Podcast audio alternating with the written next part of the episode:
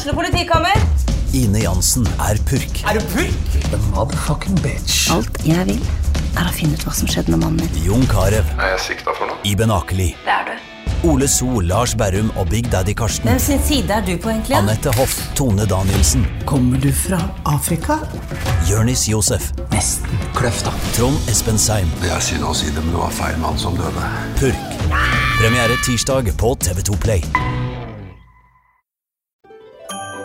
Dyrisk desember med podkasten Villmarksliv. Hvorfor sparker elg fotball? Og hvor ligger hoggormen om vinteren? Og hva er grunnen til at bjørnebinna har seg med alle hannbjørnene i området? Svarene på dette og mye mer får du i podkasten Villmarkslivs julekalender Dyrisk desember, der du hører på podkast. SA-podden presenteres av Fleksi. Regnskap med et smil.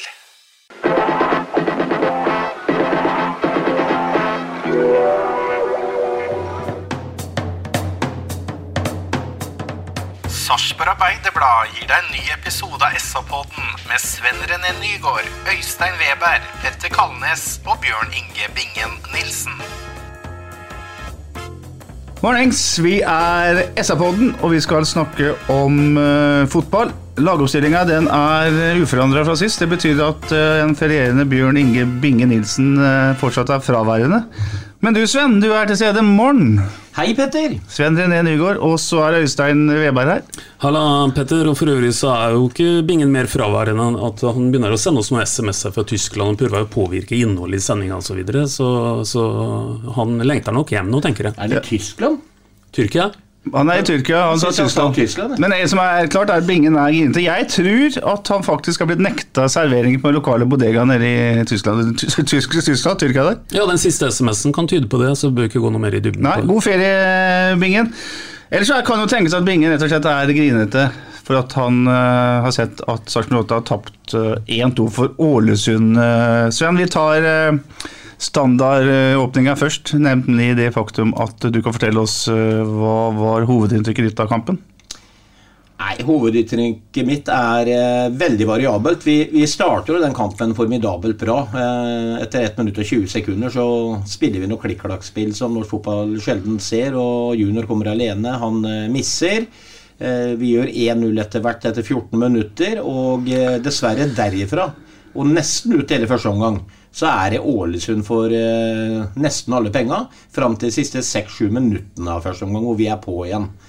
Eh, Annen omgang er ekstremt ustabil, Han, eh, og det kan vi kanskje prate mer om etterpå. Den ustabiliteten som 08-laget har i løpet av 90 minutter, den er eh, ikke til å bli helt klok på. Så vi sitter jo igjen med et inntrykk her at dere men, men nå husker jeg jeg sa før kampen Jeg blir møtt av en del folk hvordan går det Nygaard og ditten og datten. Og jeg sa også til Veberen dere på stadion at det, det her er en skummel kamp. vet du se. For her er det sånn blir det 1-1 her, så er alle misfornøyd. For det er en kamp vi skal og må vinne.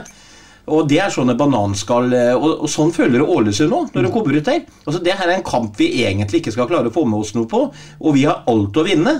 Eh, og motsatt for 08, selvfølgelig. Og så ender vi jo da opp med at det blir en eh, i mine øyne en eh, stort sett dårlig prestasjon og et møkkatap på hjemmebane hvis vi skal ha ambisjoner helt der oppe. Mm.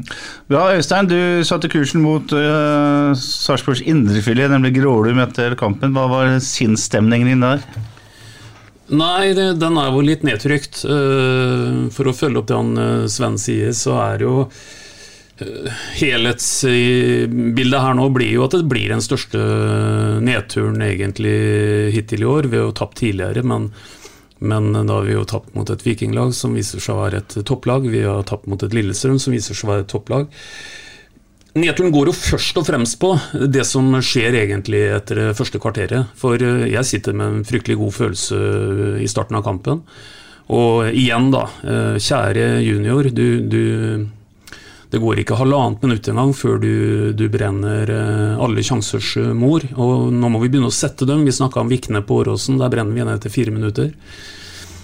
Eh, Men, men vi får jo allikevel et mål etter 14 minutter. Men, men det som da skjer, og at vi gradvis da mister det derfra og osv., det, eh, det er skuffende. Mm. Bra. Før vi går videre, så skal, jeg, skal vi få oppklart eh, Du fikk jo oppgave med nærmest hjemmeleksa meg forrige gang, Øystein, nemlig å finne et norsk ord for det svenske begrepet 'å skerve ballen'. Har du kommet fram til noe lurt? Jeg vet ikke om jeg kom fram til noe lurt, men, men hvis vi skal ha noen eh, norske ord altså En, en svenske som skerver, han tar vel også retningsforandrer. Det er jo litt langt, eh, tungt ord. Styrer, kanskje. Men et ord som er der, det er jo Hvis jeg spør deg eh, var du borti den på en måte, for det er helt eh, tvilsomt, så vil du vel si på godt gammeldags eh, tunnelspråk at du snitta den? Snitta den, ja. ja. Vi sa vel det, sa vi ikke det? Men er det ikke å flikke òg? Flikke, ja. Ja, jeg ser at jeg, I 1973 så flikka jeg ballen en gang, og da var det som en skerve, tror jeg. På Årum så sto de bare og sa at nå, nå har jaggu Nygaard snitta kula, sa de da. Men vi kan jo, vi kan jo se hva leseren, leseren kan jo, eller lytteren kan jo si litt i, på Facebook-sida jeg vår. syns flikke var fint. òg, jeg. altså. Flikke Så eller er et, snitte? ja. Ja, flikke. For snitter du, så får du vel nesten to baller rett etterpå. Da har du sittet på midten da, så blir det to beter. Men nå har vi iallfall sagt skerve for siste gang. Skal vi ha gjennom det? Kanskje. Ja. Vi, går, eh, vi går litt videre på fotballkampen. Eh, Det er en del temaer jeg har lyst til å ta før vi Eller noen temaer før vi, før vi går direkte på matchen. Du har allerede vært innom det, Sven, og vi spurte også Billborn i går etter kampen. eh, Hvorfor varierer det så voldsomt innad i matchene? Det varierer også litt mellom matchene, men først og fremst så syns jeg 08-laget varierer veldig innad i kampen. Vi har snakka om et fantastisk første kvarter, og neste 20-25 minuttene er under enhver kritikk. Har du tenkt noe på hvorfor det blir sånn? Jeg har jo tenkt litt, og Billman kommer jo med noen gode ord som selvfølgelig er logiske. Det er, eh, han snakker jo det om å bearbeide et motstanders eh, forsvar. Eh, og det er jeg helt enig i, for hvis vi legger merke til, så er det veldig ofte at vi prøver å, å skerve oss gjennom og flikke oss gjennom sentralt i banen. På ett touch, og det er vidunderlig. Det er jo det som skjedde på, etter 1 minutt og 20 sekunder med Yngve. Men etter hvert da, så har eh, Ålesund de har gjort ei lekse hjemme, og de vet hvordan vi kommer. Eh, Så de stenger jo veldig igjen, eh, igjen sentralt. Og det er jo nesten ikke rom til å, flikke de ballene igjennom. Eh, og da vil jo Billborn at vi skal bearbeide mer, være tålmodig. Det er som på håndballspråket, da, som, hvor, man begynner på høyre kant og tar med seg bekk, tar med seg midt, tar med seg bekk, tar med seg kant, og går rundt og rundt og rundt og rundt og venter på rom. Og det er vel det Billborn vil litt mer, da. Eh, vi blir utålmodige. Vi prøver en, en vanskelig pasning inn sentralt, som er under ekstremt dårlige arbeidsforhold.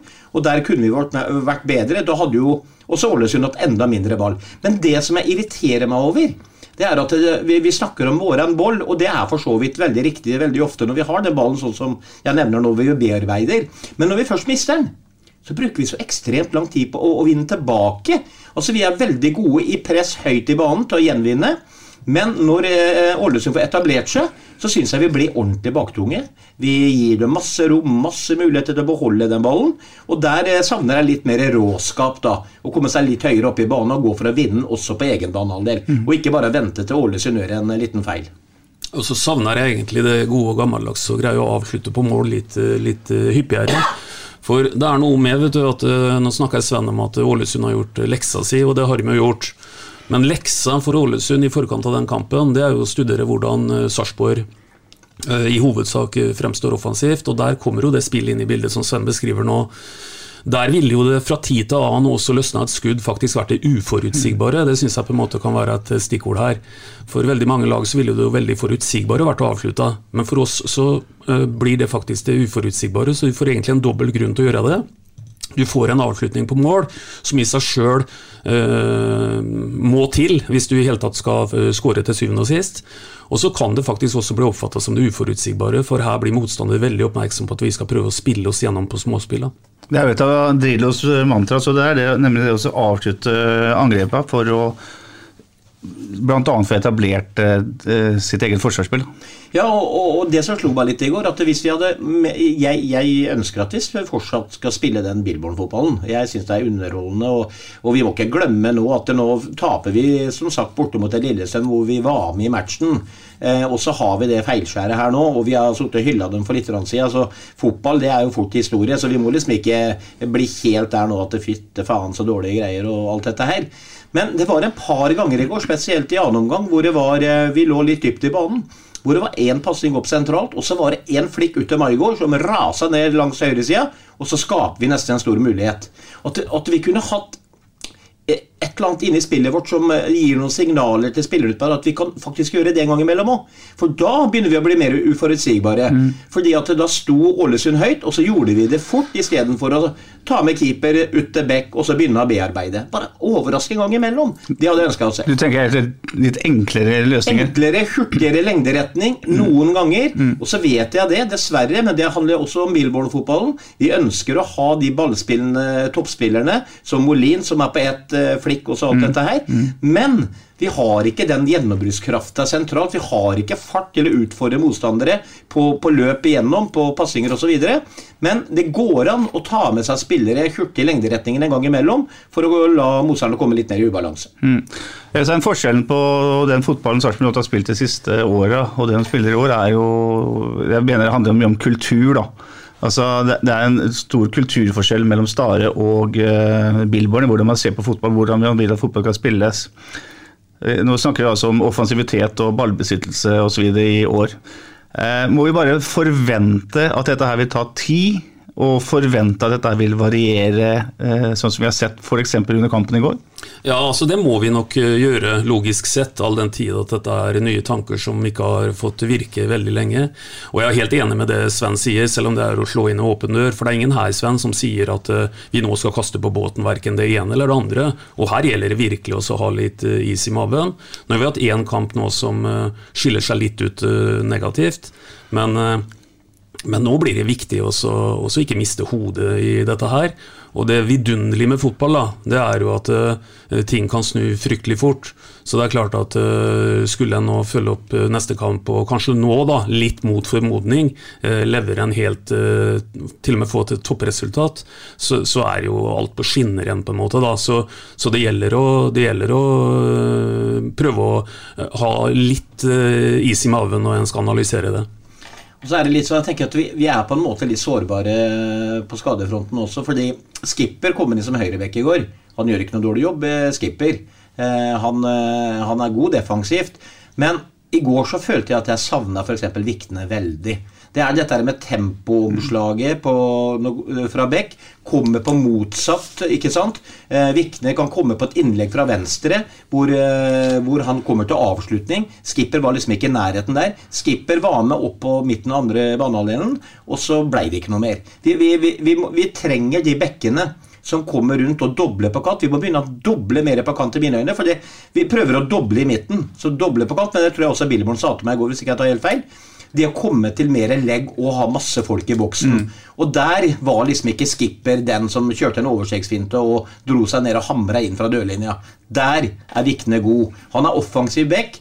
Eh, skipper er en defensiv back. Og det tror jeg også gikk litt på bekostning av antall skapte sjanser i går. Det er helt riktig. Det Bilbert sa til deg, var jo at eh, det var så trangt sentralt i banen at man må da på utsida av dem for å skape overtall, innlegg og skape sjanser derfra. Du, du fikk meg inn på det jeg hadde egentlig tenkt å ta opp, nemlig valget av Anton Skipper som høyreback. Øystein, Stein, alternativet er uh, I hvert fall ikke Vikne. Ikke nei, sant? men alternativet er Magnar Rødegård, som har spilt ja. mye høyreback. Han har spilt mye wingback i Tromsø, ja. da, med tre bak. Altså, da var det noe høyt i banen.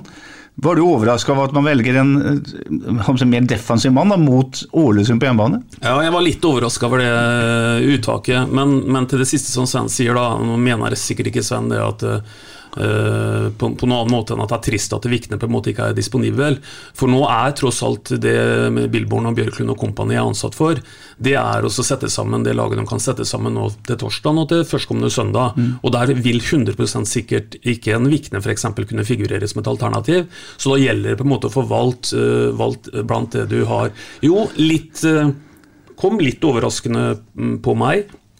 Trodde kanskje at en Ødegård var mer kall rutinert i, i den uh, rolla. Og som du sier, uh, har vært vant til å spille en litt sånn høy mm. back der tidligere. Men Vikna har kvali- eller unnskyld, eh, Skipper har kvaliteter, han òg. Og i går igjen satt vi og snakka sammen, Sven, og ble egentlig litt imponert over uh, hvordan han løper opp ting, og mm. hvor rask han faktisk er. Altså Topphastigheten til, Vik eller til Skipper, nå snakker jeg feil her, tror jeg ikke det er så mange som matcher, faktisk. Så, så, og så sa vel også Berntsen da han eh, Skipper ble henta, at eh, at han var primært en stopper, men som også hadde noe erfaring fra å spille sidebekk. Han har spilt noe sidebekk. Og så får du selvfølgelig en dødballstyrke på han, eh, av han, sønn Nå er også Ødegaard en bra hodespiller, men hva syns du om valget? Nei da, eh, jeg, jeg ble litt overraska. Jeg tenkte at Magnar kom, for han har spilt eh, vil jeg tro, enda flere kamper enn skipper, selv om han kan spille back. Og jeg tror også at Magnar er litt mer vant til å være høyt i banen som back enn det skipper kanskje har vært gjennom karrieren hittil. Og det Øystein sier jeg, jeg, som jeg sa, at vi er sårbare. Spesielt i det offensive spillet. For det har vi også prata om før. Moderne backer de er ofte ikke like gode defensivt. Men det er jo ikke det som er hovedgrunnen til Billborn. Han vil at de skal være offensivt gode, Mm, mm. og så brukbare defensivt. Det er det som er ønsket. Og da ser vi hvor mye vi savner Vikne. Jeg har sjøl sagt eh, her flere ganger sagt han har tapt viktige dueller. Men gud bedre hvor mange ganger han har kommet til muligheter og vært nesten målgivende som sidebekk. Og det, det følte jeg at vi savna i går. For det var ja, Det var nesten helt til Ole Jørgen Halvorsen kom inn at vi begynte å få noe legg ifra kanten her. Ole Jørgen hadde faktisk det. Men det er jeg helt enig i, Sven. Og, og, det der er på en måte litt sånn snø som falt i fjor. Jeg jo ville tatt ut Vikne og Saletros som de to første laget mitt på en skadefri tropp, så det er jeg helt enig i. Nå blir på en måte utfordringen hvordan de to neste kampene skal kunne sette opp den bekken som vil kunne konkurrere best mulig, kan du si. Ja, men Det er jeg helt enig i, Ja. men det, min grunn var at jeg følte at vi, vi, vi merker på skadefronten da, når sånne spillere blir borte. For i Billboards fotball så er disse sidebekkene like delaktige i det offensive spillet. ikke sant? Helt enig. Og der, ja. ja. der eh, kan man stille spørsmål i ettertid om Magnar hadde bidratt mer. Men det får vi aldri svar på. Så har Veberg veldig rett i en ting. Du får også Magnar er god i duellspillet. altså Han er eh, nesten like god som skipper i mine øyne, for han klarer å hive fram et hue. Men det er klart du får en del med skipper i hurtigheta i bakrom. Ene gangen løpte han opp en spiller i går, lagde et frispark, eh, og så vinner han mye på huet, selvfølgelig. Ja, eh, og er man etterpåklok, så vil jeg jo si at det hadde vært Det virker smartere å bruke skipper mot et offensivt godt Molde-lag kontra mot et Ålesund-lag som man kan angripe på. Da hadde man trengt en offensiv høyrebekk. Men det, det er liksom stønn som falt i fjor, og vi er eh, selvfølgelig veldig etterpåkloke her. Eh, Lagoppstillinga eh, kan vi ta egentlig fra 1 til 11, men vi kan likevel stoppe med en gang. For Anders Kristiansen blir alvorlig skada på oppvarminga. Han har en finger er, eh, med et leddbånd som er røket. Det snakkes om uh, to til tre måneder, eller til og med enda lenger. Uh, Berntsen har sagt i dag at man ikke henter en uh, keeper. Man har da Simen Hvitte Nilsen og Leander Øy. Eh, Først og fremst, eh, Øystein, hvor alvorlig er den skaden? Altså i form av at, eh, eller hvor, hvor svekka blir Sarpsborg 08 av dette her? Altså Det er jeg usikker på. Nå skal vi ikke glemme da at det ikke er veldig lenge siden vi satt og var sånn eh, Vi syns det begynte å nærme seg en veldig 50-50-duell, og vi sa vel at det er kanskje knapt nok noen klubb i Norge hvor, hvor førstekeeperplassen var kanskje mer eh, uavklart. Det var vår eh, vurdering da. Og så har jo Anders stått spesielt på nærskudd osv. Hatt, en, hatt en veldig god sesong. Og så virker det på meg som at uh, Simen Hvithun Nilsen er litt shaky i går, men det tror jeg har litt med inngangen til kampen å gjøre. Han vet vel om at han skal stå antagelig noen få minutter før han skal stå. Han er innstilt på at eh, det er Anders som skal stå. Er nok litt prega av det. Men nå får vi bare eh, spille med de korta vi har. og og nå er det opp til bevis, Vitu Nilsen. Og jeg tror at han, øh, han er voksen nok til den oppgaven. Syns du det er riktig Sven, å ikke lete etter en kontaktløs keeper nå for å på en måte få økt konkurranse rundt Hvitu Nilsen? Jeg vet hva, det er litt vanskelig å si. Eh, Jeg har lyst til å snakke opp Vitu Nilsen jeg, Mm. eh, for å gi den selvtillit. Mm. Fordi jeg har jo sett den i aksjon noen ganger i, eh, på rekruttkamper osv. Det folk der ute skal vite, at vi får noe eh, som ikke vi hadde med Kristiansen. Eh, Nå var han eh, vel å merke ute og glapp en ball i går, eh, høyt oppe i, feltet. Han pleier ikke å gjøre det. Og det, det som er litt sånn halvveis sjukt med denne Vitu Nilsen, altså han har en selvtillit uten å ha spilt nesten A-kamper. Han, han, han, bestemmer seg tidlig når han ser det kommer høy ball, og han går ut og han henter dem nesten 99 ganger i feltet. Og han er veldig god med bena i utgangspunktet. Nesten sånn, eh, unnskyld uttrykket, kvalmende god, for jeg blir overnervøs. Han kan tråkke på ballen, han har bra tilslag. Han, er, han tør. Så han er en sånn en offensiv keepertype som eh, jeg binger Bingen og sa det en gang i tida, og det sier jo jeg også, at det, vi får noe der Kanskje han nå skal få den roa nå. Mm. Fordi han holder såpass høyt nivå. Vi ser jo på alle de keeperne som er i Eliteserien, som uh, kommer inn. Uh, jeg husker ikke hva han heter i Odd, f.eks. Mm. Konkurrerte ut uh, der. har prestert godt etterpå. Og så er han en veldig spennende keeper, han Liander Røy også. Men det som er litt skummelt nå, det er at hvis Simen skulle fått seg en ordentlig smell nå, så må det en enda yngre urutinert mm. gutt inn. Mm. Og han blir kasta også til ulvene, så mm. det er jo et spørsmål man kan ta. Men jeg går for det, Liander Røy, at du er så ung og offensiv og god at du Kanskje du tar Eliseli med storm etter hvert, og så har vi plutselig en stjernekeeper som har fått vise seg fram. Mm. Ja, og så synes jeg vi skal bite oss merke i en ting som, eh, som Billborn svarer til Sven i går, da han blir spurt om han skal gjøre mye endringer nå foran kampen mot Molde. Og Da svarer han noe som jeg tror også er veldig viktig. Det er mange elementer her, det er mange brikker her, men han sier det at det, folk må få en følelse av at de har tillit, selv om de nødvendigvis mm. ikke har sin beste dag på jobben. Mm. Sett i lys av det, så er uttalelsen til Thomas Berntsen fornuftig. For det er klart at uh, vi skjønner jo alle at det, det mentale betyr mye her. Og, og, det er klart Hvis en Vitu Nilsen nå skulle første han skulle gjøre, er å lese i avisa at han er å oppfatte som en kriseløsning, mm. eller at en sportslig leder eh, opptrer som en desperat person for å hente noe som eh, helst kan holde han utenfor laget det er ikke måten å mentalt bygge opp Hvithun Nilsen på. Mm. Og Derfor så syns jeg at eh, Sven var sjelden klok nå når han sier at han har lyst til å snakke opp Hvithun Nilsen. Mm. Og så får vi For jeg tror altså Hvithun Nilsen gjorde noe så sjeldent i år som å stå generalprøve. Mm. Og, og, da var han etter manges mening banens beste. Ja. Så kjør på du, Hvithun. 1953 inn i den poden så sier Øystein til Sven at du er klok, Sven. Det, ja, det, det, er vel første og siste gangen, men det er en annen sak. Men bare litt sånn kjapt tilbake, for det er jo ikke så lenge siden Billborn vel uttalte ikke han også at det var tett mellom keeperne? Jo. Ja, Og når du sier det, som Øystein sier nå, da, det er tett hvem som skal stå, og så blir han førstekeeperen skada, og så henter de en ny førstekeeper, da graver du han unggutten godt under jorda. Ja. 28 minutter inn i denne kampen så får Simen Mitte Nilsen et vanskelig tilbakespill. Jeg tror det er Molins faktisk som spiller til ham. Han har to Ålesund-spilleren mot seg. Det Hvite Nilsen gjør da, er at han rett og slett bare går mellom dem to med ballen i bena. Slår et strak lys på 50 meter til brystkassa til, til Jontan Linseth. Eh, det er en fyr med selvtillit, og som du sa, Stasien, han har gode ferdigheter også langs eh, bakken. Spennende keeper. Vi heier på Simen Hvittun Nilsen.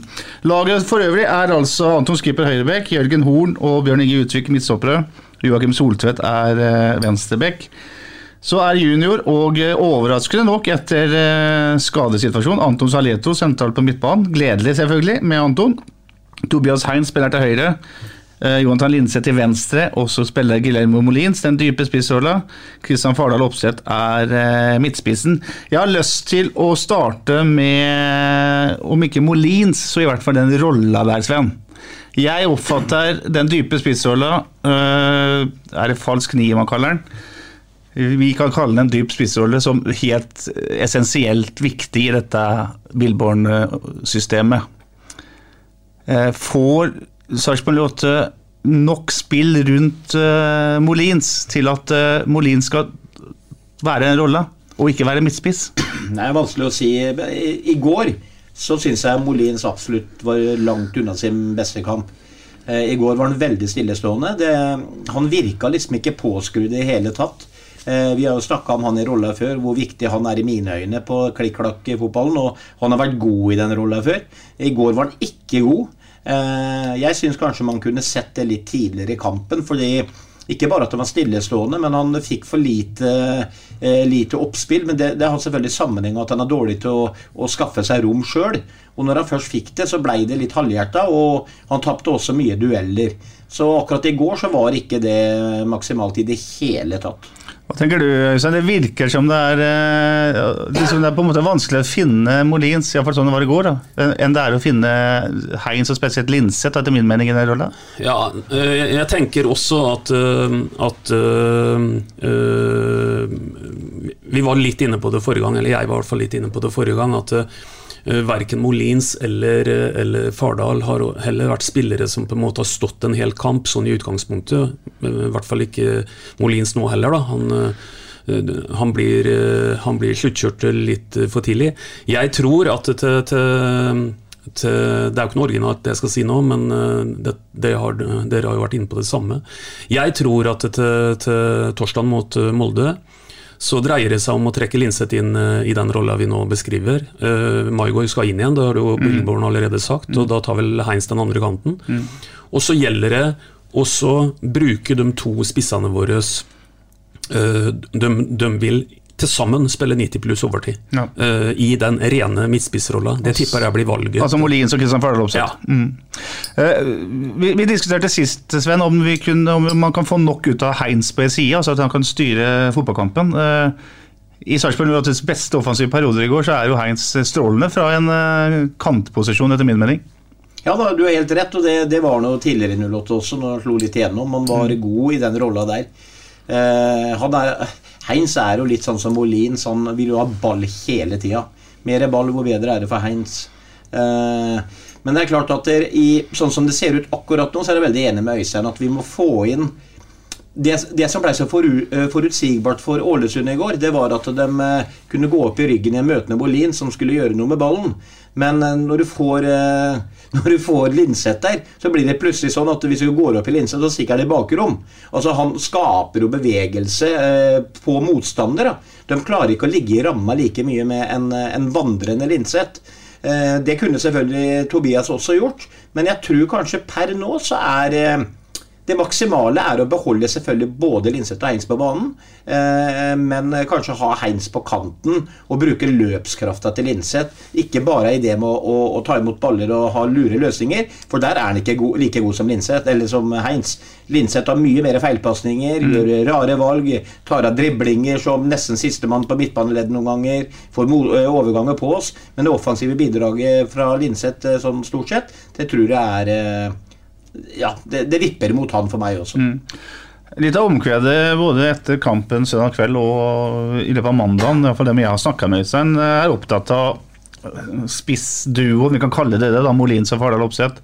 Der litt av kritikken går på at man på en måte ikke får nok ut av dem, og at de ikke kommer til nok sjanser. Og at de først og fremst ikke gjør så mye på egen hånd, jf. Eh, spisser vi har sett tidligere i år, eh, inkludert Lillestrøms eh, fantastiske spydspiss. Og også Ålesund-spilleren i går, som jo gjør begge måla, som også er eh, veldig bra, Haugen. Eh, savner du at, du at, man på en måte eksploderer litt med ballen, gjør noe sjøl, utfordrer på egen hånd? Eh, at det skjer litt mer? Ja, både ja og nei. Eh, jeg skjønner hva som blir sagt, og så må vi på en måte også forholde oss litt til fakta òg. Nå tror jeg at Molins har minst like mange målpoeng som vi har spilt antall kamper, bare mm. for å starte der. Mm. Det er jo et snitt som, som lar seg høre. Fardal har vært inne og skåra i år med relativt begrensa mm. minutter. Så jeg tror egentlig begge guttene der har, har mål i seg. Jeg tror ja, I en ideell verden så kunne vi gjerne hatt en midtspiss som på en måte hadde både vært mer bevegelig og, alt det vi kan etterlyse. Men jeg tror jobben nå det er å time bruken av to på én plass igjen nå. 60-30 eller, mm. eller 70-20 eller mm. alt ettersom de har dagen og hvordan dette her ser ut. Og Da tipper jeg at vi kommer til å se noe vi har sett mange ganger i år, allerede til torsdag.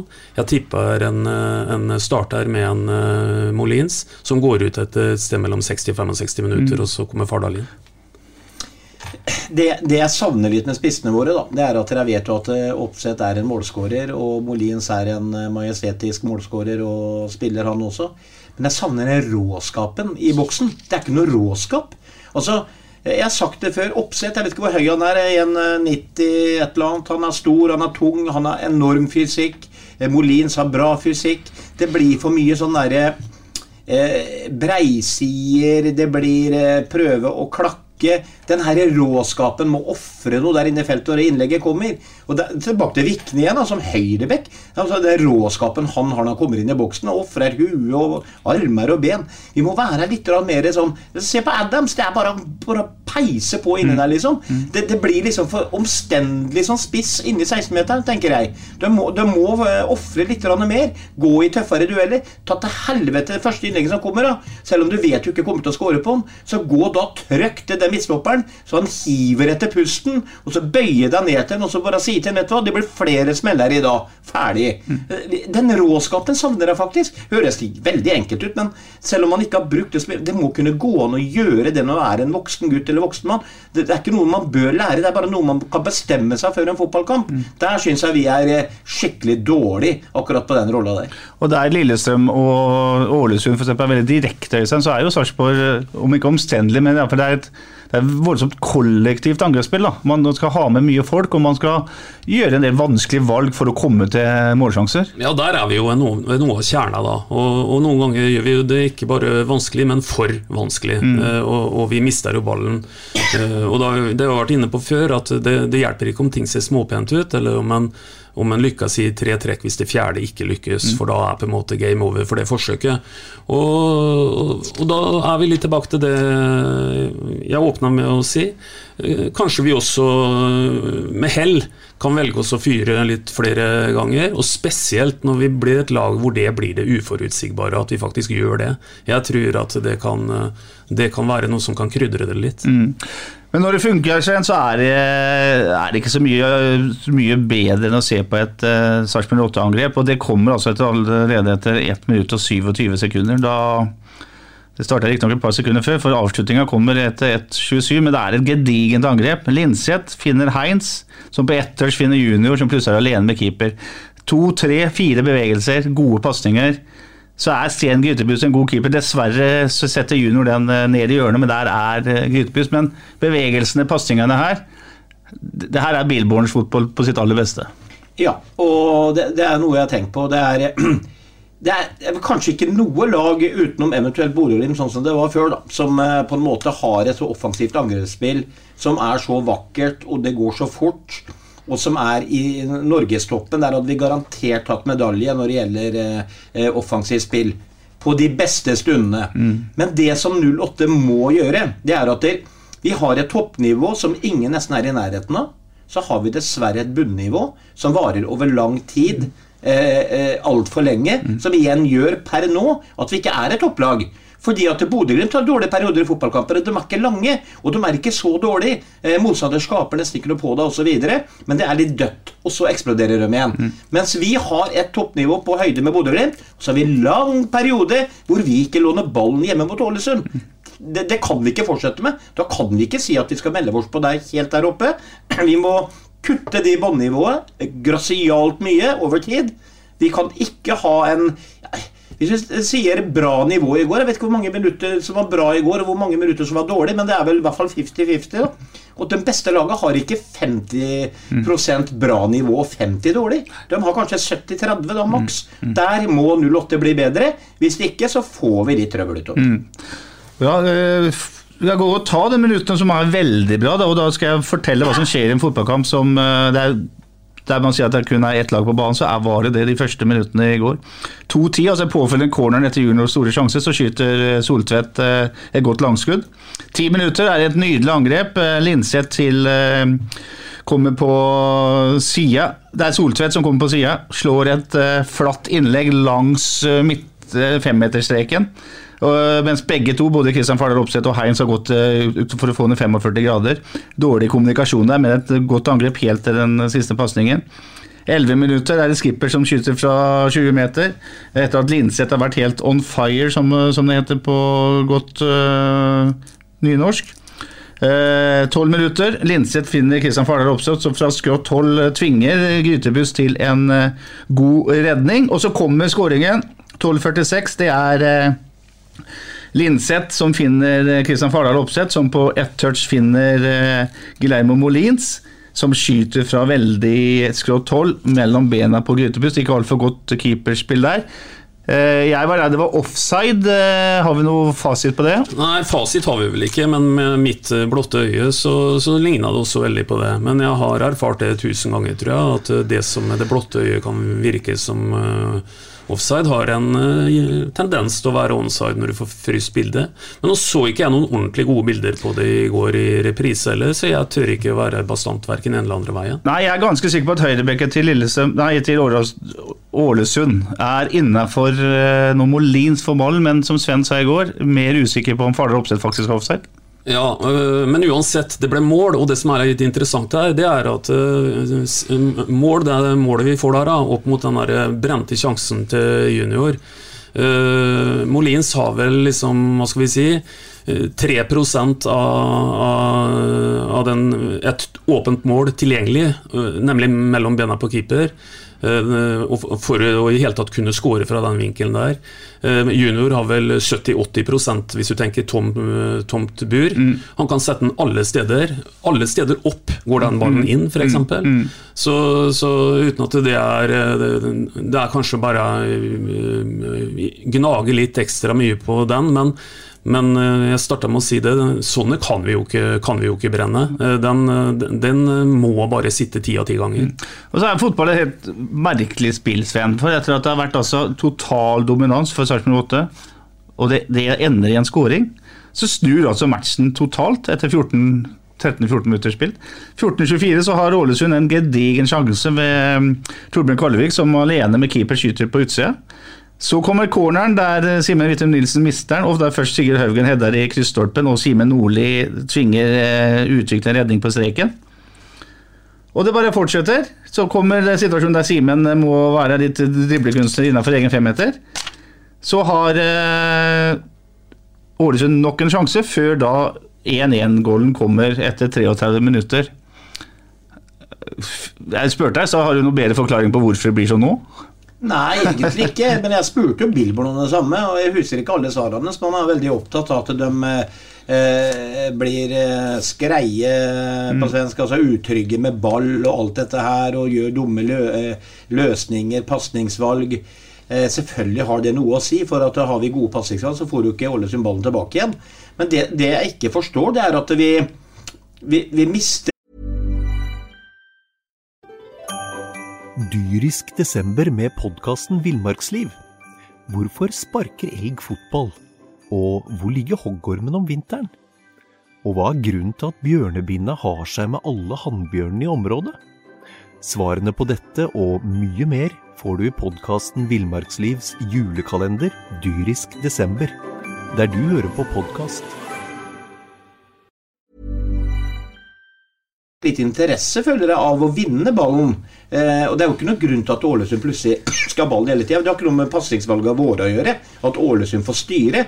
Da må man gå ut og altså, vinne den ballen og eie den ballen igjen. Og Det syns jeg vi er altfor dårlig. Og så er det tilbake til det mentale igjen. Vi gjør fantastisk første 15. Vi leder 1-0. Går det for lett? Eh, begynner man å snike seg inn i tanken at man går litt på hæla? Eh, det, det, det, det, er merkelig, for det, er akkurat det jeg sitter og sier. Vi kan ikke være Norges mest attraktive fotballag i den første 15 og være et nedrykkslag i nesten 30 minutter etterpå. Det går ikke. Vi kan ikke holde på sånn. Og hvorfor det blir sånn, det er vanskelig å si. Sikkert masse av det Billborn sier.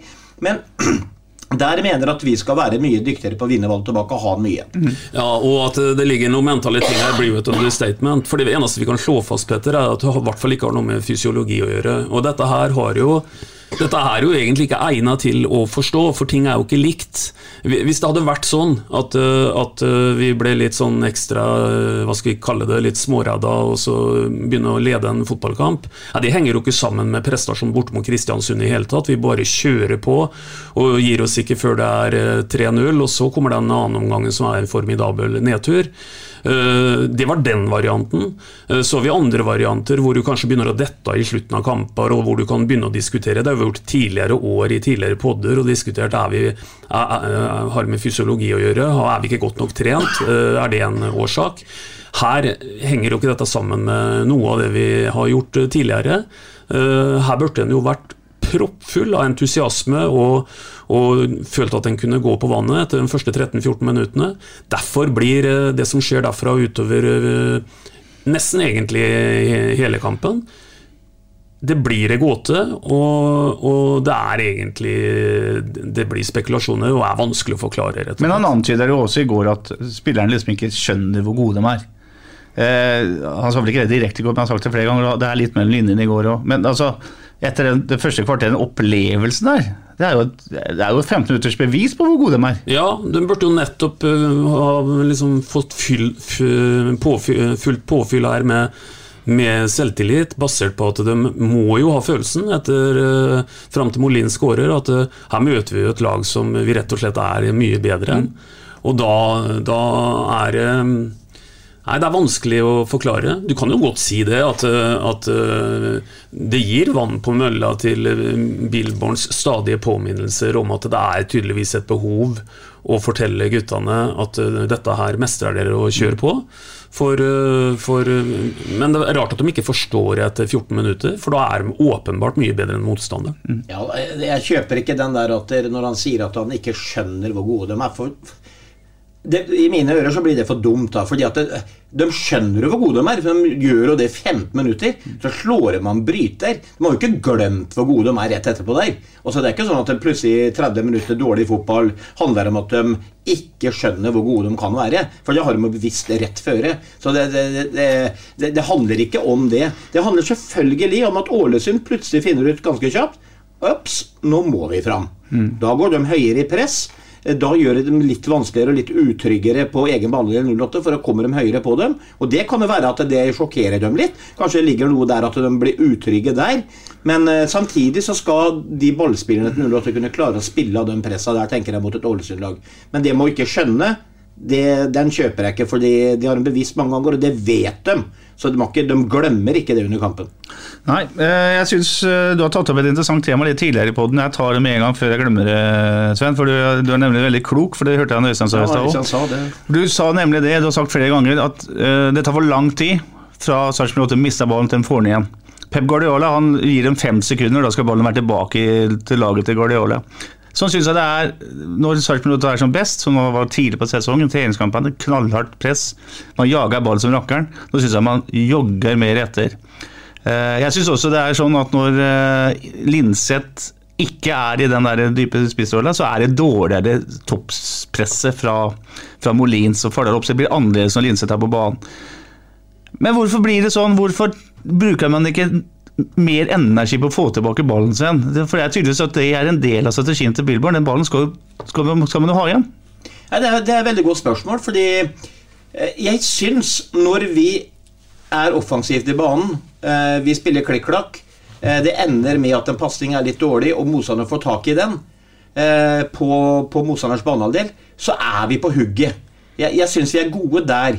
Men så fort de får roa ned, kommer seg inn på vår banehalvdel, så syns jeg det blir fraværende.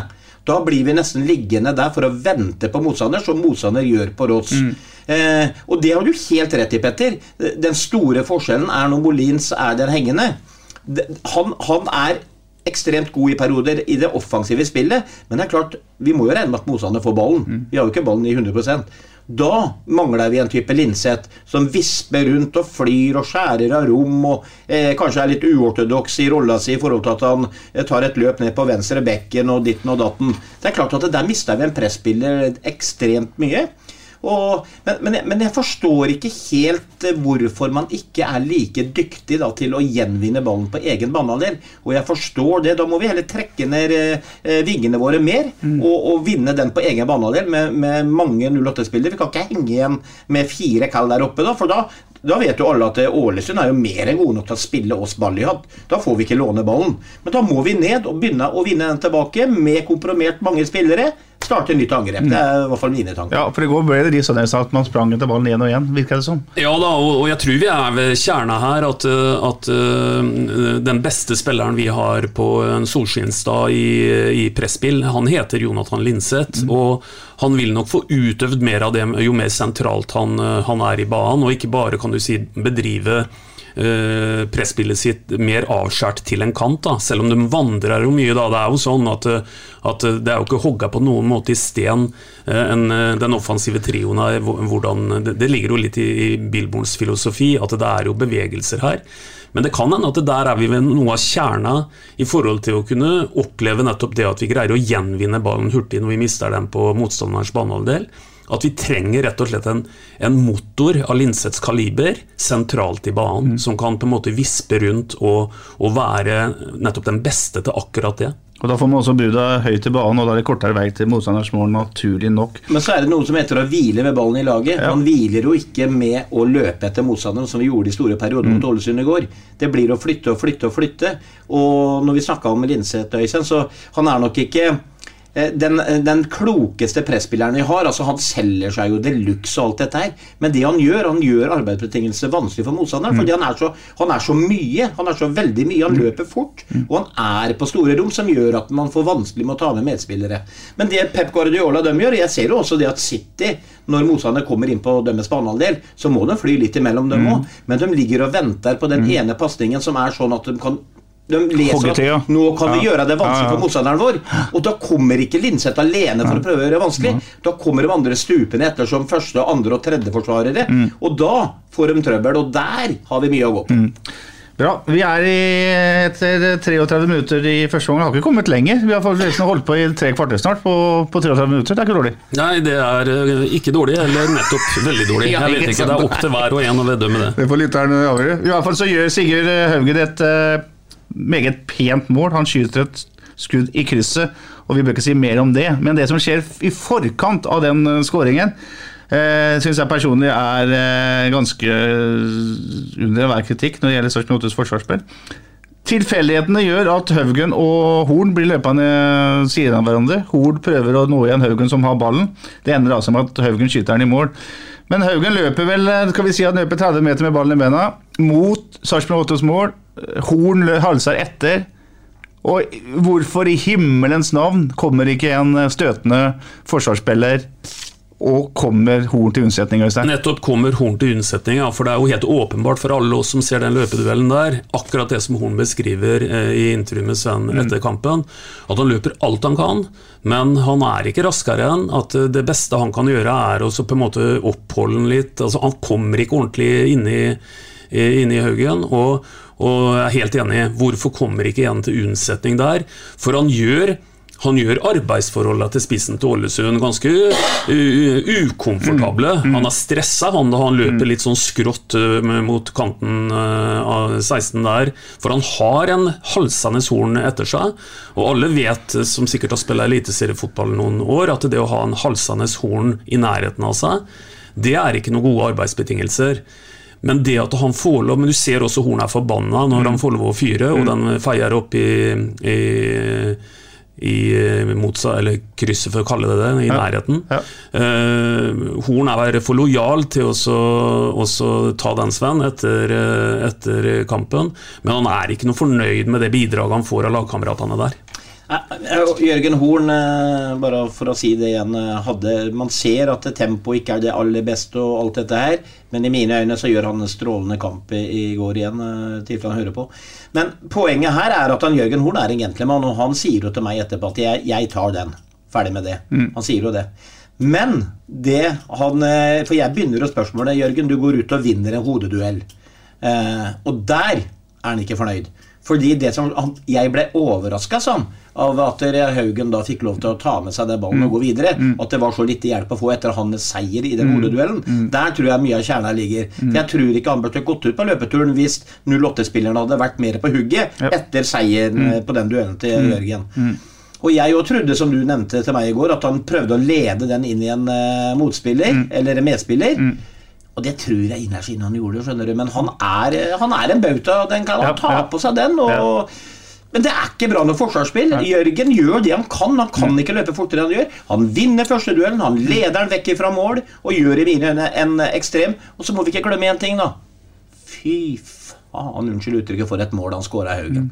Den der er det ikke mange som Nei, det er jeg enig. Men eh, Skipper og Utvik, en av dere må ut og hjelpe Horn der. Horn har egentlig én sjanse. Han må, han må altså rett og slett skli ned og prøve på en veldig vanskelig sklitakling. En som må ta et gult kort med å holde i trøya. Det er liksom valget Horn har. Jeg tror Horn tenker seg at men herregud, vi er 40 meter fra mål, her kommer noen og hjelper meg. De kommer aldri. Det, det her er, det var, synes det var et håpløst mål, men et, en nydelig utført skudd av eh, Haugen. Og så snur det litt igjen. Siste ti minuttene av første omgang er faktisk bra. Da har Linseth et bra ride, og det hele ender med en eh, Nei, før det så har Kristian Fardal oppsett en heading i stanga, faktisk. Helt på utsida av stanga. Veldig skarp vinkel. ja. eh, veldig eh, skarp vinkel. Var det heading, forresten? Det var en Ja, det tror jeg det var, heading, men det. eh, det skal mye til å få Det, den på innsida ja, det, det skal veldig mye til. Men iallfall så ender omgangen med 1-1 etter en kamp som da har eh, ja, variert voldsomt når det gjelder Sarpsborg 8s eh, spill. Hva er hovedinntrykket av uh, annenomgangen? Det varierer der òg. Ja, og hovedinntrykket er jo at vi, vi leverer jo ikke sånn som vi ønsker i den, denne omgangen heller. Altså, eh, skuffende at vi allerede da har sluppet Ålesund så mye inn i kampen som vi har gjort i første omgang. Og, og hadde kanskje da et lønnlig håp om at eh, nå skulle vi på en måte uh, starte an litt sånn som vi starta første, og vise, vise hvem som var sjefen på banen og hvem som er det beste laget. Men det så vi dessverre ikke så mye til. Nei. Det er en eh, skummel kontring mellom Heinz og, Kristian Fardal Opseth tidlig. Det er en eh, sjanse som ikke kommer det ut av. Det er eh, et godt kombinasjonsspill. Ender med at Hein skyter et venstrebenskudd som blir klarert til eh, corner. Eh, så kommer Molins, eh, går Molins ut eh, til fordel for Maigård etter 61 minutter. Venstrebenskudd fra Kristian Fardal Opseth er brukbart. Ny corner. Sarpsborg har tre cornere på rad her. Det er eh, et strålende innlegg fra Ole Jørgen Halvorsen i det 70. minutt, som Kristian Fardal Opseth header. Bra heading, Øystein, som dessverre går rett på keeper. Eh, og så er det et godt innlegg fra Soltvedt, som Mikkel Maigård ikke får eh, gjort noe annet enn å prøve på en litt vanskelig volley. Han kunne kanskje hedda. Jeg har skrevet enormt trøkk på blokka mi etter 77 minutter. Igjen er Mikkel Maigård involvert i en uh, corner. Igjen så er det tre corner på rad der uh, Mikkel header som blir blokker- blokkert. Ny kontring, Linseth, blir blokkert til corner. Og så er det da på overtid, to minutter på overtid, det er et innlegg fra Simen Raffen. Ender hos Sigurd Haugen som dunker den i mål. Og da var det flere enn oss som følte oss snytt. Ja, og det er jo alltid helt bånn i bøtta, naturligvis. Og så å miste det ene poenget en har der sånn eh, helt eh, på tampen. Men, men det er noe som er litt interessant her. Vi skal møte et lag til torsdag. Vi skal komme litt tilbake til det, Petter. Men vi har også sett noen andre eliteserielag eh, i den siste serierunda her. Hvor stikkordet er dødballer, og, og, og da å kunne håndtere egne dødballer. For i i det, i det resumeet ditt nå, så mangla det ikke på ordet corner. Det var ganske mange av dem. Ja. Men, eh, men eh, der, eh, det får vi altfor lite ut av. da Det materialiserer seg altfor lite i forhold til de beste lagene. Nå, nå har vi sett et Lillestrøm-lag som vi hevda jo at det var en myte at de var dødballag noen år, Mm. for det hang jo egentlig tilbake til 70-tallet. Men nå er det ikke noe myte lenger. Nå har de tunge folk inni der. Eh, Men vi skal møte et lag til, til torsdag nå, hvor det også gi bort eh, Kall det unødvendig corner defensivt. Det kommer vi til å bli hardt straffa for. Men dessverre så eh, greier ikke vi i samme grad også å utnytte det. Mulighetene var mange, og som du sier, to ganger tre forsøk, eh, som ligger altså tett eh, innpå hverandre. Eh, Så, så du får liksom både sjanse én, sjanse to, sjanse tre, men dessverre, vi, vi er ikke tunge nok i boksen. Det er tolv corners igjen. Eh, Hva er det du savner først og fremst på dødballene? Er det råskapen som dere snakka om, eller er det håper, formasjon, sperretrekka, bevegelsen, det taktiske?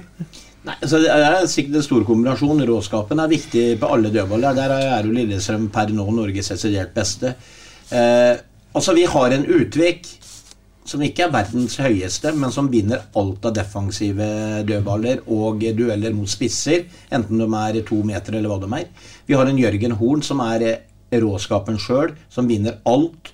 Eh, det er ofte sånn du har en Maguire i United da, som eh, vinner alt på huet, men som aldri får stanga mot mål. Mm. eh, man må prøve å finne på noe der. Jeg savner også de stiller opp mye ei klynge inne, ikke sant? og der eh, vinner ofte motstanders forsvarsspillere mot oss. Eh, kanskje begynne å stille de her eh, hodesterke gutta litt lenger bak, komme og angripe en ball. Eh, lage andre arbeidsforhold. fordi at det, når en Jørgen Horn og en Utvik står inne sammen med åtte andre, ni andre spillere, så er fotballen blitt sånn i dag at jeg kan bare holde motstanderen i stringtrusa nede, Ja, og så ja. kommer de ikke opp engang. Bare kanskje lage noe rom, sånn at de får brukt de her ferdighetene sine. Det, det må jo Edlund og de gutta ta ansvar for, fordi vi kan ikke fortsette å stille opp med den samme formasjonen på dødballer for hvis man aldri kommer nesten til en avslutning. For jeg mener at vi har, når du har en oppsetter som er så stor og sterk du har en Hol, og du har eh, Skipper, du har eh, Utvik. Utvik, så skal vi kunne komme til avslutninger oftere. Vi kommer jo nesten ikke til en avslutning, og som Øystein sier. Altså tolv cornere. Det er tolv gode innlegg inne i boksen, og vi skal få noe ut av det. I går syns jeg det var svært, svært dårlig. Ja, Det er en viktig detalj i fotballen. Det er det ingen som helst eh, tvil om. Eh, andre fakta fra kampen er at ballinnehavet ender i 57-43 i Sarpsborgs eh, fordel. Eh, Sarpsborg skyter 20 skudd mot eh, Ålesunds 9. Skudd på mål er 7-4. Treffsikkerhet på mål til 35 av skuddene til Sarpsborg uh, treffer mål. Uh, Så har man uh, faktisk sånn at Sarpsborg har blokkert fem skudd, mens Ålesund har blokkert ett. Og så har faktisk ikke Simen Hvitte Nilsen mer enn én redning mot Sten Gytebust sine seks redninger.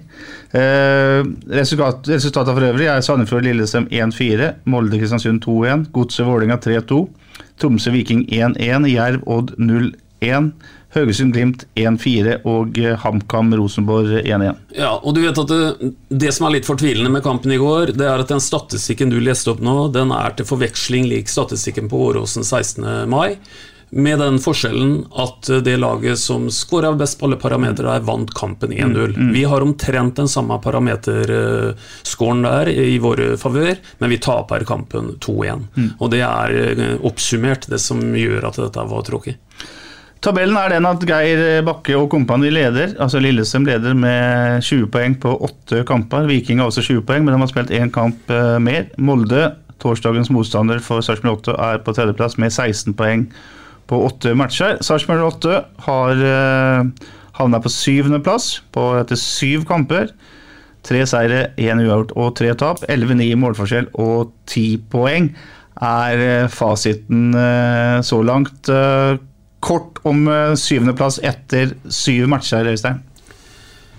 Nei, det er verken, eh, verken eller. Det, vi, skal vokte oss for å liksom male, male det rosa den ene helga og svart den andre helga. Altså, så vi må, som jeg sa i stad, prøve å være litt mer nyanserte enn det.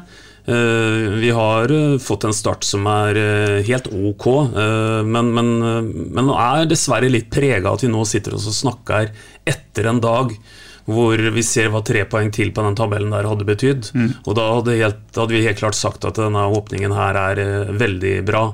Nå får vi bare håpe at, at ting snur fort, for nå kommer kampene tett her. Og nå kommer det landslagspause før det skal deles ut seks poeng. Så, så mm, vi må få med oss noe nå. Eh, Fire til seks poeng på de to neste. Da, da har vi fått en åpning som er eh, ok før landslagspausa.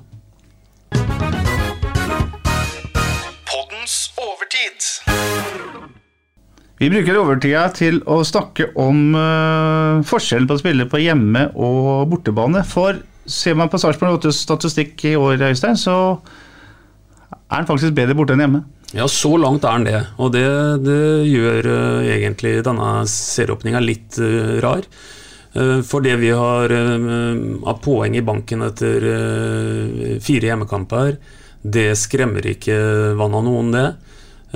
Vi har tap for Viking, vi har tap for Ålesund. Vi har ett poeng mot Rosenborg, og så har vi en eh, 1-0-seier mot Odds. Vi har fire poeng på fire hjemmekamper. Det holder ikke hvis vi skal, hvis vi skal melde oss på uh, oppi der. Borte har vi jo til tider hatt uh, årsbest i et par perioder. Førsteomgangen mot eh, Kristiansund spesielt, da, naturligvis. Og mye av kampen mot Tromsø var jo, var jo, var jo fantastisk bra. Eh, Så vi har seks poeng borte og, og fire poeng hjemme. Det må vi gjøre noe med nå, og første muligheten eh, dukker opp på torsdag. Eh, Sven Sarpsborg 8 har skåra 1,57 mål i snitt, eh, men 8 av 11 skåringer har kommet på bortebane. Du har en klar formening om eh, hvorfor Sarpsborg 8 skaper flere sjanser borte enn hjemme? Du hadde det i hvert fall. Ja, eh, først, først og fremst så må 08 trene enda mer på Enda hardere på det å bryte ned etablerte forsvar. Eh, Der tror jeg også løsningen ligger. For eh, det er nå engang sånn når du drar på bortebane, så er det sånn at det hjemmelaget du møter, det er vanskelig å parkere bussen på hjemmebane. Og det er det svært få som verken vil eller gjør. Og der har vi fått mye rom. Der er vi veldig gode.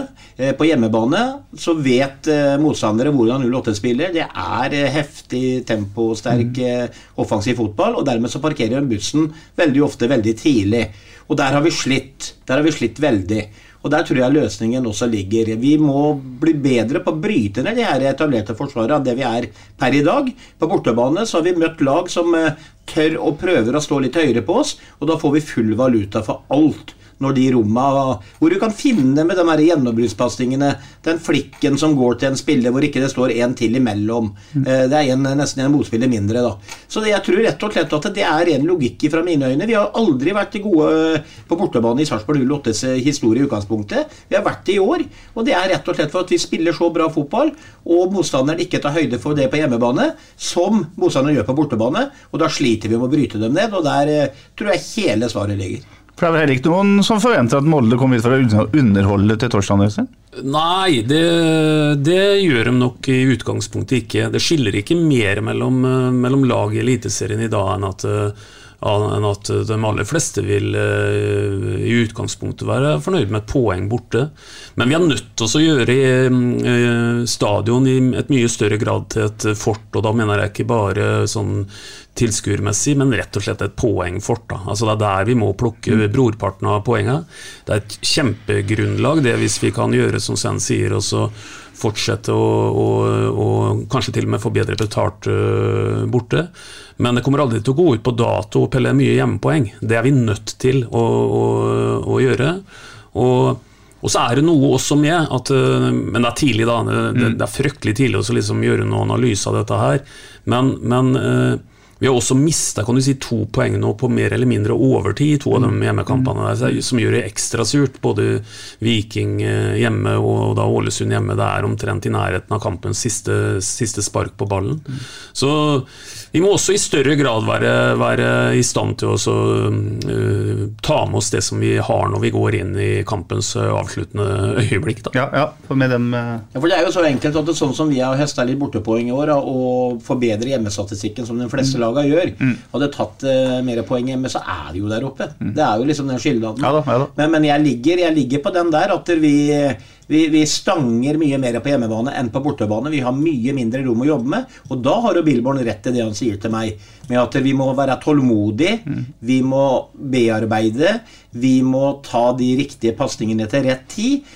Og der har vi vært litt stressa. Når vi ligger der og presser, så har vi prøvd på litt hueløse løsninger som gjør at det nesten er to av 100% mulighet for at den ballen går igjennom. Dem, dem har vi tatt for mange av, og dem vil jo Billborn luke vekk. Men eh, når vi da vinkler inn på det som skal skje førstkommende torsdag, Peter, eh, så tror jeg fort at i, i det åpne spillet så vil, ikke, så vil nok vi kjenne igjen den der tesa om at det er ikke bortelaget som har kommet hit for oss å underholde. Det tror jeg nok i utgangspunktet. Men merk dere dette her med dødball nå da til, til, til torsdagen. For alle som så på f.eks. Molde-Kristiansund så hvordan de effektivt straffa eh, altså de har, en, de har en Magnus Wolff Eikrem som er sjefsserveren. Og, og, og, corner imot mot uh, Molde det er litt ekstra farlig kontra mm. de fleste andre motstandere. Vi har nevnt uh, kanskje et par lag til. Uh, så det betyr at selv, om, selv om Molde kommer hit til torsdag og Kalde velger å ligge trygt og godt i ramma si, og ikke nødvendigvis spille noe hasard-risiko, så kommer de til å utnytte enhver dødball til 100% gjøre et forsøk på det. Og det er viktig at vi er supervåkne på. altså. Mm.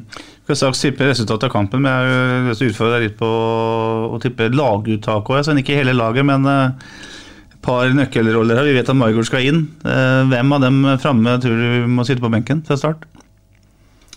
Det er et veldig godt spørsmål. Det handler litt om form også. Jeg syns Molins da både mot Lillestrøm og nå sist, og det lille innhoppet på østsida, selv om det er en ubetydelig kamp, så er jeg bestandig vært av den ulla at uh, når du er profesjonell fotballspiller, noe jeg aldri var, da, eh, så handler det om å gå ut og gjøre ditt beste når du er utpå der, de minuttene du er der. Jeg syns Molins var veldig trå og sei der også.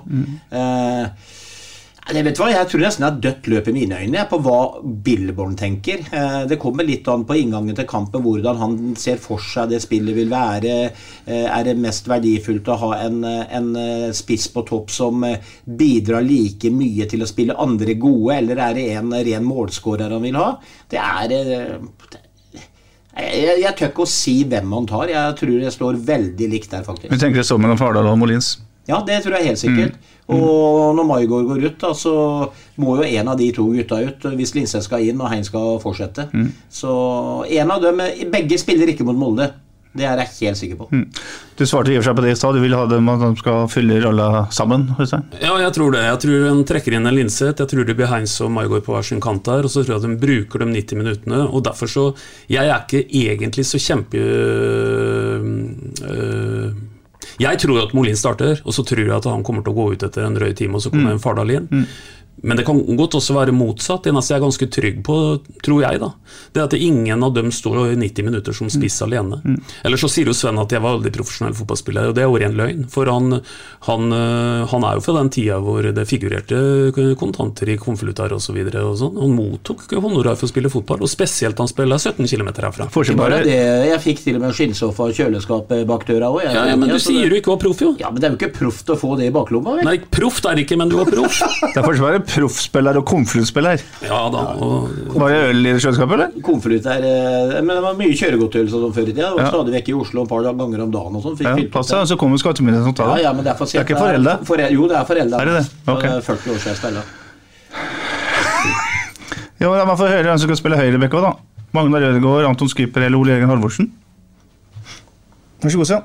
Ja, det er jaggu et godt spørsmål. Det, Vi må gi, vi må gi Milborg noe råd her. Eh, Jeg vet ikke hvorfor, men eh, jeg hadde ønska meg Magnar. Eh, Litt pga. det offensive bidraget. Ole Jørgen er også bra der, men vi får en Magnar som har den rutina i den rolla. Vi får en Magnar som er duellsterk. Kanskje sterkere enn Ole Jørgen der i boks osv. Ja, Magnar er en røff fyr der inne. Skipper som sagt spilte en bra kamp, men jeg, jeg følte jeg fikk altfor lite offensive bidrag fra Skipper i forhold til at vi møter et Ålesund hjemme. Eh, og Der er Ole Jørgen bedre igjen enn Skipper. Men eh, det, det, det, er nok så tight. Men jeg bare tipper på Magnar, selv om det kanskje er en, eh, et skudd i blinde så lenge han ikke var aktuell nå. Det, og det er jo klart det, det er tøft for Magnar, som har nå mista rolla si som midtstopper. Eh, Jørgen har kommet inn og fått tillit, og så kommer den skaden på Vikne. Så forventer de fleste at ja, ja, vi har Magnar til å sette ut der, og så kommer Skipper inn. Eh, Så får vi se da om Billborn ønsker å holde Magnar ordentlig ordentlig varm og gi han muligheten Og Det er, det er psykologiske grep, det er taktiske grep, det er så mye som spiller inn her, så det, jeg misunner ikke Billborn akkurat den oppgaven der. Hva tror du, Øystein? Jeg tror han starta med samme fireren som han starta med mot Ålesund. Ja, det var eh, rene ord for pengene. Bingen, hva tror du? Nei, jeg må bare vente og høre hva Sven sier. er Ja, ja. Det blir spennende å se Bingen, forresten. Han kommer nå, nå kjørte han doble soltimer nesten i to uker før han dro til Tyrkia. Og så er han der nede i uke eller to. Han må jo komme helt knallbrun knall brun hjem. Han blir så pen han gutten nå, vet du. Jeg håper at han får servert EFES, det, tyrkiske ølet. Som omtrent ikke godt som eh, pint i England, eh, Øystein. For ellers så blir den veldig grinete. Det har vi jo merka tidligere i dag. Vi skal hjelpe Bingen med et eh, tips. Uh, Sarpsborg 8 mot eh, Molde, Stein. Ja, er det noen gang eh, tida er inne for å tippe med hjertet da, og koble hjernen av, så er det nå, tenker jeg. For, eh, for eh, litt sånn eh, Litt sånn eh, skeptisk er en etter en sånn en kamp som eh, mot eh, Ålesund. Men jeg satser med hjertet og sier at vi slår tilbake. Og jeg tråkker til meg at de rett og slett kopierer debutresultatet mot Molde det første året og vinner 3-0. Yes. Sven. Nei, Jeg skal være offensiv i huet, jeg òg, for så vidt. Sånn som jeg var med han Simen Vittu Nilsen tidligere i dag. At den gutten der kommer til å ta Eliteserien med storm. Eh, Men jeg skal også Jeg tipper 2-1. Men eh, jeg tipper at vi skårer begge på dødball. Ja. Ja, Og så skårer vi et sjølmål, dessverre, så vi står på alle tre målene. Skåra alle tre måla? Ja, så fint, da. Bingen, hva sier du? Nei, jeg sier 2-1, sier Bingen. Og jeg sier at det blir 1-0, faktisk, for det er på en måte 08-resultatet på hjemmebane. Du pleier også å gi meg noen sånne oppfordringer i poden her, vet du, hvor ikke jeg er forberedt i hele tatt. Nå skal du jaggu få en tilbake. Når var det sist det var et topplag i byen her som skåra alle måla i en superviktig kamp, men gikk ut som, eh, som seierherrer? Ja, det var jo i 52 på Ullevål mot eh, Sparta mot Solberg, 3-2. Hva du kan, Petter. Hva jeg Klok kan. du, Petter. Ja. Jeg skrev dessverre det i et minneord om uh, Gunnar Eilertsen sist om lørdag, så jeg hadde det friske i minne. Da fikk vi hedra Gunnar litt òg. Ja, det var fortjent. Ja. Skal vi si nå Det kan nesten gjøre det en vane, tenker jeg, også øh, selge inn øh, neste pod, for nå blir det vel en liten forandring på det. Ta, eller vi tar den vel for så vidt neste mandag, men vi, vi kjører den ikke etter kampen på torsdag, er det det vi er enige om? Ja, Vi tar en uh, pod neste mandag som omhandler både Molde-kampen og Jerv-kampen i Grimstad. Altså spilles inn uh, mandag ettermiddag og kommer uh, på sa.no sånn. Ja, hvordan, hvordan ble, 19-tiden Vi på pleier å bruke 1 time og 15 minutter. omtrent Da blir det 2 timer og 30 minutter. Sven. Du har gått på skolen, så du Ja, husker jo det. og den blir lang og god, den. 1 pluss 1 er 2. Ja, ja. Men, men da, da tar vi et lite stunt øh, til slutt, i og med at vi skal snakke etter jernkampen. Mm. Da, da tar vi et resultat på, på Jerv-kampen, og jeg skal ned dit blant annet. Jeg skal, jeg skal kjøre ned sånn som en haug andre sarpinger, for dette blir en dag hvor veldig mange sarpinger skal til Grimstad, altså neste søndag. Eller Ja. førstkommende søndag. Ja. Har alle dere fri på den mandagen, eller? Søndag, Sven, da har vi jo, da har vi jo fri. Ja, ja, men, da- eh, Meldt fint vær og greier. Men kom med et resultattips der nede. Jeg tror nemlig at eh, Jerv etter hvert vil lide litt samme skjebne som, eh, som eh, Sarpsborg første gangen eh, de var oppe. Åpna veldig bra, pella med seg en del poeng, men fikk det tøft etter hvert. Så jeg tror at eh, i, i Grimstad så snur jeg bare den der til torsdagen og sier at der vinner vi faktisk 0-3. Ja. Der er jeg helt sikker på at vi vinner 1-3, og vi skårer nok en gang et mål på dødball. Bingen, hva sier du? Du sier 3-1 til Sarpsborg 8, ja. Bra. Ja, bra, Jeg sier eh, 4-0 og slår fast at Sarpsborg 8 skårer alle fire måla. Og du vet, da, da har vi plutselig 16 poeng etter, eh, ti kamper.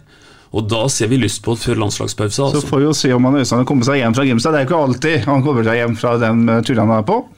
Jo, hver gang. Hver gang. Til slutt, så. Bra. Vi har vært litt uh, smådeprimerte i dag, men vi er eh, i godt humør når vi går ut av studio. Og så gleder vi oss til å se mange mennesker på stadion førstkommende torsdag, for det er viktig. Møt opp. Absolutt, veldig viktig. Ja. Veldig, veldig viktig. Og jeg hadde jo håpa på mer enn 4100 mennesker nå. Det var vel den Premier League-greiene da som eh, tok av helt for en del. Jeg så dessverre, det vil jeg også si, eh, på stadion at det var Jeg syns det var dårlig stemning. Eh, Det var litt trykka både det ene og andre, og jeg så folk satt med huet nede i telefonen nesten hele kampen for å se hvordan det går med Liverpool og City og alt dette her. Det var et helt annet fokus enn det vi har vært vant med. Så vær så snill, kom masse mennesker, og så gi jernet, for det har så mye å si for spillerne. Det er bare det å høre det trøkket bak seg etter sjanser osv. Det må vi bare få til. Det er, eh, ja, for det her er eh, Altså, folkens, nå skal Vi ønsker å melde oss eh, på i kampen der oppe. Tap nå igjen, så får vi en luke mellom de beste fire-fem beste lagene. Og de ønsker ingen, og der kan eh, supporterne være med og Ja, og jeg tror folk slår tilbake helt bokstavelig talt på den oppfordringa til torsdag, og jeg tipper at det kommer minimum 5500 mennesker til torsdag. Herlig. Vi avslutter med det, og så prekes vi. Yes, prekes. Vi prekes! SA-podden presenteres av Fleksi. Regnskap med et smil. Dyrisk desember med podkasten Villmarksliv. Hvorfor sparker elg fotball? Og hvor ligger hoggormen om vinteren? Og hva er grunnen til at bjørnebinna har seg med alle hannbjørnene i området? Svarene på dette og mye mer får du i podkasten Villmarkslivs julekalender Dyrisk desember, der du hører på podkast. Ukens annonsør er HelloFresh. HelloFresh er verdens ledende matkasseleverandør og kan være redningen i en travel hverdag. Mange av oss har nok vandret i butikken både sultne og uten en plan for middagen, som ender med at vi går for de samme kjedelige rettene gang på gang. Middag burde være dagens høydepunkt. Som HelloFresh kan du nå velge mellom 25 ulike retter hver eneste uke, eller få HelloFresh til å sette sammen menyen for deg. Dette gir deg muligheten til å prøve nye og spennende retter alene eller sammen med familien. Du velger antall porsjoner og får alt levert på døren på et tidspunkt som passer for deg. Oppskriftene er enkle, og maten er lett å lage både for store og for små. Ved å få alt levert hjem får du også mer tid til å dele matgleden med familie og venner. Kanskje det frister med asiatiske tacos eller greskinspirert kylling? Da kan jeg anbefale deg om å gå inn på hellofresh.no. Her kan du bruke koden FOTBALL og få opptil 1779 kroner i rabatt på de første fem matkastene hvis du ikke har prøvd Hello Fresh tidligere. Du kan også bruke rabatten hvis du har vært kunde og stoppet abonnementet ditt for tolv måneder siden eller lengre. Gå inn på hellofresh.no og bruk koden FOTBALL. Har du et enkeltpersonforetak eller en liten bedrift? Da er du sikkert lei av å høre meg snakke om hvor enkelt det er med kvitteringer og bilag i fiken, så vi eh, gir oss her, vi. Fordi vi liker enkelt. Fiken superenkelt regnskap.